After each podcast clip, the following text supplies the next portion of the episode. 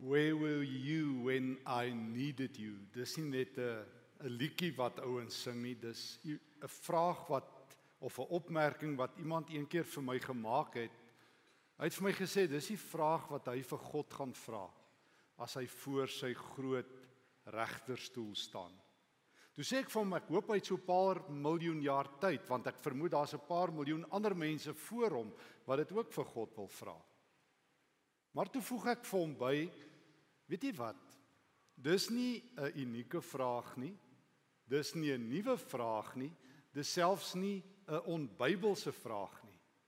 Die Bybel het hierdie vraag al gevra.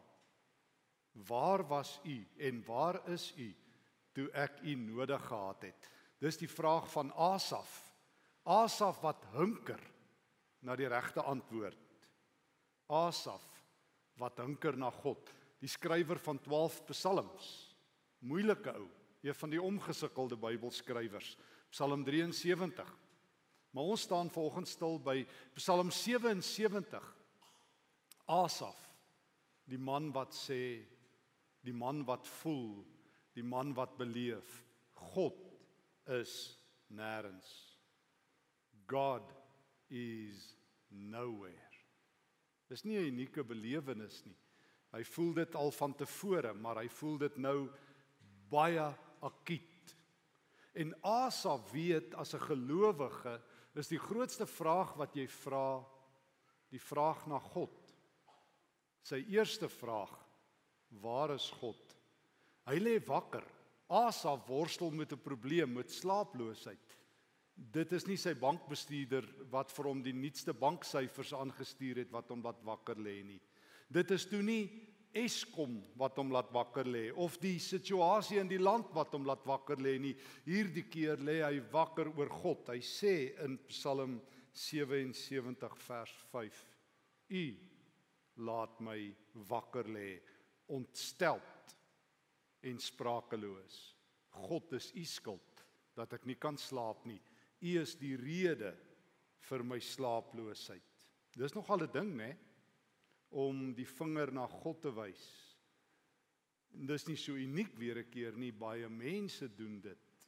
Iemand moet die skuld kry as dinge verkeerd loop. As jy dit nou al genoeg kere voor hierdie ou se deur en daai ou se deur en deur die ou se deur gelê het, dan bly net God oor. Maar ergens moet iemand die skuld kry. Dit kan net nie ek wees nie, maar iemand anders. En dalk is dit God. Asaf gee die redes. Hy dink God is weg. Hy dink God is afwesig, nog erger.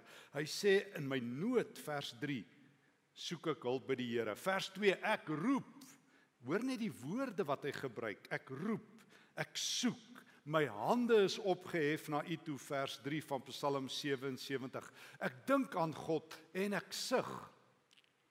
Hm. Nou ons het 'n familielid gehad wat die sug vervolmaak het. As hulle gesug het, was jy klaar is die sug gegee. Dit was daai diep ene. Gevolg deur die woorde Ag ja. Ons was klaar. Jy's moeg gesig gewees. Jy het geweet dit kan nie erger gaan nie, dit kan nie dieper gaan nie. Jy's klaar. Jy is by moedverloorse vlakte, by hooploosheid se uitkampplek. Dis waar Asaf is. Ek dink aan God en ek sug. Waar is die Here?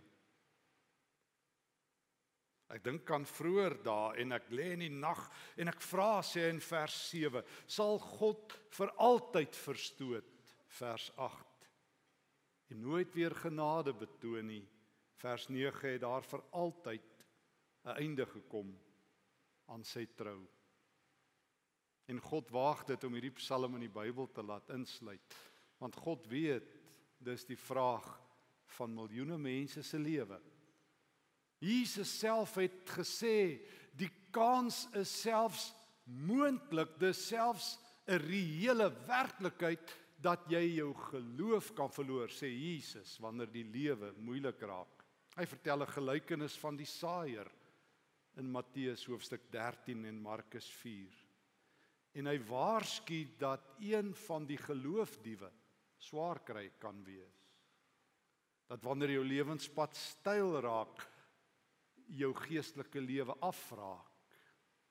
Dat wanneer jou probleme meer raak, jou geloof min raak. Dat wanneer jou vrae baie word, die antwoorde min word. Dat wanneer die pyn groot raak, die troos van God in jou lewe min raak en die werklikheid is dat baie mense hulle geloof verloor. So sê Jesus, so sê die Bybel, God weet dit.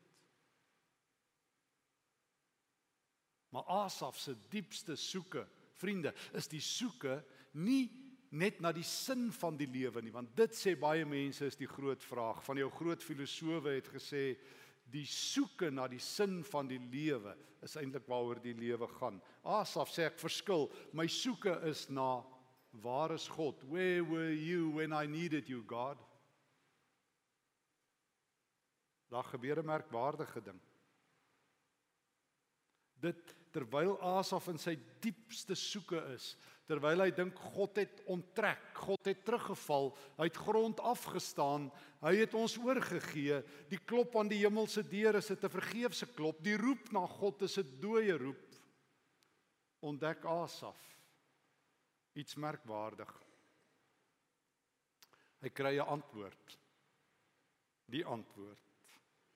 Maar die antwoord vra 'n lyfskuif. Dit vra 'n kopskuif, fisies letterlik. Jy sien, jy moet jou vraag verander. Nee nee, jy moet twee nuwe vrae vra. Die hele wêreld weet dit, maar wanneer mense by God kom, skuld hulle God nie die hoflikheid om God op God se terme te ontmoet nie. Ek meen, as jy by 'n skaakklub aansluit, dan daag jy nie die skaakmeester uit en sê hoekom speel julle nie op Chinese checkers se reëls nie. As jy saam met Rassie Erasmus sit en koffie drink, dan sê nie hom hoekom speel julle nie soos Manchester United nie. Jy weet daar is reëls. Maar lyk vir my dit geld nie wanneer ons vir God vra vra nie. Dan is enigiets reg. Dan moet God as te ware in die beskuldigde bank staan want die beste vraag, hoor mooi, en die heel belangrikste vraag is nie where were you when I needed you nie. Die beste vraag is die beste twee vrae is wie is God en wat doen God? As jy dink dit maak nie saak nie, dis die skuif tussen lewe en dood. Dis die vraag wat Asaf ontdek terwyl hy in die nag wakker lê van die regtersy na die linkersy draai en agterkom ek moet my lyf skuif, ek moet my gedagtes skuif, ek moet op God se terrein kom. En dit was makliker vir mense in die Bybelse wêreld om dit te doen. Maar jy moet fisies letterlik omdraai en terugkyk. Die vraag is nie waar's God nie, die vraag is wie is God? Wat doen God? En dit vra 'n lyfskuif, 'n kopskuif. Dit vra dat jy God op God se terme nader, anderster gaan jou hele lewe 'n teleurstelling wees. Anderster gaan jy dink God skuld jou antwoorde. Hy is die antwoord. Sy dade is die antwoord. Kan ek dit weer sê? Solank as wat jy dink jy bepaal die vraag en God moet op jou vraag antwoord, gaan jou geloof en jou pad saam met die Here 'n teleurstelling wees. Selfs 'n geloofsteleurstelling. Maar wanneer jy God ontmoet met die vraag Wie is u? Nie wat doen u en waar is u in die eerste plek in my lewe nie. Wie is u? En watter dade wys wie u is? Verskuif die vraag. Die Bybelse mense het so bietjie anderster na die realiteit gekyk as jy en ek. Baie van hulle het as te ware agteruit so in die toekoms ingestap met hulle oog op die verlede en hulle rug gekeer na die toekoms. Hulle het dit relatief maklik reg gekry. Ons is 2020 mense, ons leef andersom. Ons kyk na die toekoms en ons rig is op die verlede. So Asaf het dit so bietjie makliker as jy en ek reg gekry om hierdie lyfskuif te maak. Maar in vers 10 kry hy dit aangrypend reg. Psalm 77 vers 10. En die Engelse vertaling vertaal hierdie moeilike Hebreëus baie mooi. Then I thought to this I will appeal the years when I stretched out his hand. Asaf weet ek moet omkyk en ek moet die hand van God raak sien God op God se terme. Dis die belangrikste enkele skuif wat Psalm 77 maak. Dis die belangrikste skuif wat alle Bybelfigure maak wat God ontdek. Dis die belangrikste skuif wat jy moet maak is om jou vraag te verander want jy's op God se terrein as jy vir God vra wil vra. Nie waar is u nie? Wie is u? En watter dade doen u? O, dis die dis die dis die vraag wat die Nuwe Testament kristalhelder vra. Daarom kry in die Nuwe Testament amper geen klaaglied soos wat ons nou mee besig is. Psalm 77 nie. Die Nuwe Testament het ophou kla. Hulle het die regte vraag gevra. Hulle het gevra God, wie is U en waar sien ons U groot daad? En toe staan die kruis lewensgroot in hulle gesig. Hoor net 1 Johannes 4 vers 9 tot 10. Wanneer Johannes dink oor liefde, die groot soeke van baie mense as daar net liefde in die wêreld kan wees, dan antwoord Johannes 1 Johannes 4 vers 9 hierin is God se liefde vir ons geopenbaar. Sy enigste seun het hy na die wêreld toe gestuur sodat ons deur hom die lewe kan hê. Werklike liefde is dit, nie die liefde wat ons vir God het nie, maar die liefde wat hy in ons bewys het deur sy seun te stuur as verzoening vir ons sondes. Die kruis is die antwoord op die vraag. Die kruis is die groot plek waarin jy jou lyf moet skuif, jou vraag moet skuif. So God, wie is U? Die kruis van Christus antwoord. So God, wat doen U? Die liefdesantwoord is op Golgotha te hoor. Dis die groot lyfskuif. Dis die groot kopskuif wat Asaf maak daar in sy bed wat 'n einde bring aan sy slapeloosheid en ewe skielik begin hy terugdink. Ewe skielik hoor jy van vers 11 tot 20. Hy dink vars, hy dink nuut. Hy vra anderster. Die groot skuif is die skuif vanaf God is nou hier, is nêrens soos wat hy aanvanklik beleef het. Na God is nou hier. God is oral. God is nowhere. Na God is now here. Selfde letters. Hang dit af hoe jy die woord breek. Selfde letters. Maar dit is 'n lewenskuif. Dis die skuif tussen slaaploosheid en slaapvolheid. Dis die skuif tussen gelukkig wees en ongelukkig lewe. Die vraag tussen die heeltyd kwaad wees vir God omdat hy my nie op my terme ontmoet nie en vrede hê want ek het God op God se terme gevind. God is now here and God is everywhere. En God is oral. Dis Asaf se geloofskyf. Dis die skuif wat maak dat hy in Psalm 77 ewe skielik uitroep in vers 12: Ek wil dink aan die dade van die Here. Ek wil aan die wonderdade dink. Here, my vraag is nie meer waar is U nie. My vraag is ek sien U. Ek sien wie U is. Ek sien U wonderdade in die geskiedenis. Alles wat U doen is heilig. Vers 14: Waar is 'n God so groot soos God? U het die mag geopenbaar. Here, Ek het my vraag verander. Ek het U gesien in die geloof. Here, ek het my my hart gedraai. Ek het my kop gedraai. Ek het God ontmoet. Dis die uitdaging in 2020. En dit is die verskil tussen 'n lewe wat vol is van God en 'n lewe wat vol is van stres en bekommernis en siek wees uh oor alles wat verkeerd is en wakker lê. Dis die verskil tussen 'n geloof wat gevorm word op die regte maniere. Die skuif van jou lyf die skuif van jou vrae die skuif van jou denke godwaarts o almal o almal in die Bybel en deur die eeue wat 'n vol en 'n ryk lewe leef. 'n Lewe waarvan God sê dit is 'n goed geleefde lewe, soos wat Leonard Sweet sê, a well lived life. Nee nee, hy vat dit nog verder, a well played life. Dis die lewe waar jy God vind op God se terme. Ek het vir myself 'n klein geestelike dissipline ontwikkel. Want ek het agtergekom dis wat die Nuwe Testament doen. Ek het myself geleer dat ek my lyf elke dag moet skuif, my kop elke dag moet skuif en God moet sien. Ek het geleer om elke dag in die oggend om te kyk en agter my die kruis van Jesus te sien. Kolossense 2 vers 14, 1 Johannes 4. Paulus sê daar aan die kruis is al my oortredings vasgekap, vasgetimmer. So agter my sien ek elke dag 'n kruis waarvan die lig oor my lewe val.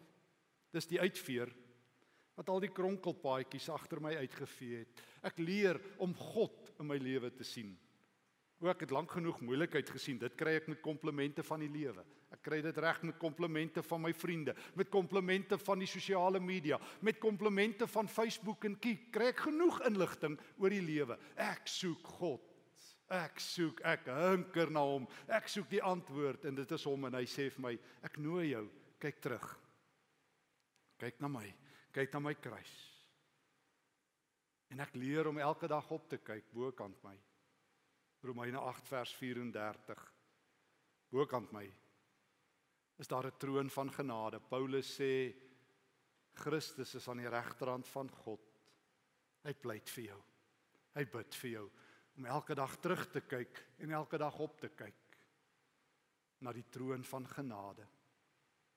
O en ek het myself geoefen om my lyf elke dag ook te draai en vorentoe te kyk want ek is ook in die 20ste 2020 en ek kort ook 'n 2020 visie en ek wil ook vorentoe leef en ek sien voor my Christus. 2 Timoteus 4 vers 7 en 8 met die oorwinningskroon in sy hand. Onthou die woorde van Paulus daar in 2 Timoteus 4 ek het die goeie wedloop afgelê. Ek het eintlik volgehou. Nou wag die oorwinningskroon op my die lewe by God. So elke dag kyk ek terug agter my 'n kruis. Bokant my 'n troon van genade waar Christus pleit voor my. Christus moet 'n oorwinningskroon in sy hand en hy nooi my, kom, kom, hardloop. My arms is oop, ek wag vir jou. O, ek is nie 'n sinnelose eh, oomblik in hierdie lewe nie, ek het die Here wat voor my is. En ek leer in die woorde van 2 Timoteus 2 vers 19 om elke dag af te kyk. So ek kyk elke dag af want onder my is 'n fondament. Paulus haal um, Numeri aan 16 vers 5. Die fondament waarop jy staan is dat die Here by julle is en julle nooit vergeet. O ek het 'n vaste fondament. Ek staan op die Here. Die rots wat nooit wankel nie. Agter my 'n kruis Bokant my 'n troon van genade, voor my 'n oorwinningskroon, onder my 'n fondament en dan kyk ek ook in my hart. En ek onthou die woorde van 1 Korintiërs 6 vers 19 en 20. Weet jy nie? Weet jy nie Stefan dat jy 'n tempel van die Heilige Gees is nie? Weet jy nie dat jy gekoop is deur die Here en en onder splinternuwe bestuur staan nie? Weet jy nie dat ek besig is om jou van te verander van heerlikheid tot heerlikheid nie? En dan kan ek lewe. Hoe elke keer as ek wakker lê, dan kom ek agter as ek baie wakker lê dat dit die wêreld is en die moeilikheid is en al die probleme is, dan hou dit my wakker. Hoe elke keer as wat ek so bietjie iets se grimmig raak en moeilik raak, dan verstaan ek dis ek is so bietjie in Asaf se terrein. Waar is u God? En dan herinner ek myself om Psalm 77 vers 10 Dis tyd vir 'n lyfskuif en 'n kopskuif. Dis tyd om nie te vra waar is God nie, maar wie is God en wat doen God? En dan loop ek in die kruis vas en dan sien ek die kruis en ek hoor en ek beleef agter my onder my bokant my voor my en in my is die lewende God. Dis die evangelie Die evangelie wat die verskil maak tussen goeie nuus en 'n lewe wat buite God se wil afspeel. Dis die verskil tussen 'n lewe wat sê God is nêrens en 'n lewe wat sê God is nou hier en God is oral. Ek wil jou uitnooi en jou vra Waar is jy in jou slaaptogte en in jou leeftogte? Lê jy ook dalk wakker oor God? Het jy ook dalk opgegee op die Here? Hy het nie opgegee op jou nie. Verander jou vraag. God is waar hy altyd is. Trouwens, God se vraag in Genesis 3 vers 9 aan Adam is: "Waar is jy?" So God vra dit vir jou en my. So waar is jy? O Here, dat ek wees op daardie plek saam met Asaf waar ek my lyf skuif om U te sien waar ek my gedagtes skuif om reg oor U te dink om die liefde van God te ontdek mag die Here ons elke elke dag daarmee help om in hierdie wêreld waarin ons lewe anders te kyk anders te dink reg te glo amen Here baie dankie dat U ons in die woord ontmoet. Here, U weet ek wil baie keer saam met Asaf skree, God, waar is U? Maar Here, U soek ook vir my. U wil ook weet waar is jy? En U wil ook my gedagtes en my liggaam draai op U. Hier is ek, Here. Herfokus my. Herfokus my lewe, herfokus my hart. Dankie dat ek my lewe volgend opnuut aan U kan wy. My gedagtes, my lewe. Dankie Here dat U mense soos ek ontmoet hier waar ek is en my na U plek toe vat in Jesus se naam. Amen. As jy behoefte het aan gebed, daar is geleentheid in die Klipkerk na die tyd of as jy net saam wil gaan koffie drink, daar is wonderlike geleentheid. Ontvang die Here se seën en gaan in sy vrede na die lewe toe. Die God van genade stap saam met jou. Dit is die genade van ons Here Jesus, die liefde van God, nie nabyheid van die Gees ons trooster wat by jou is tot in lengte van dae. Amen.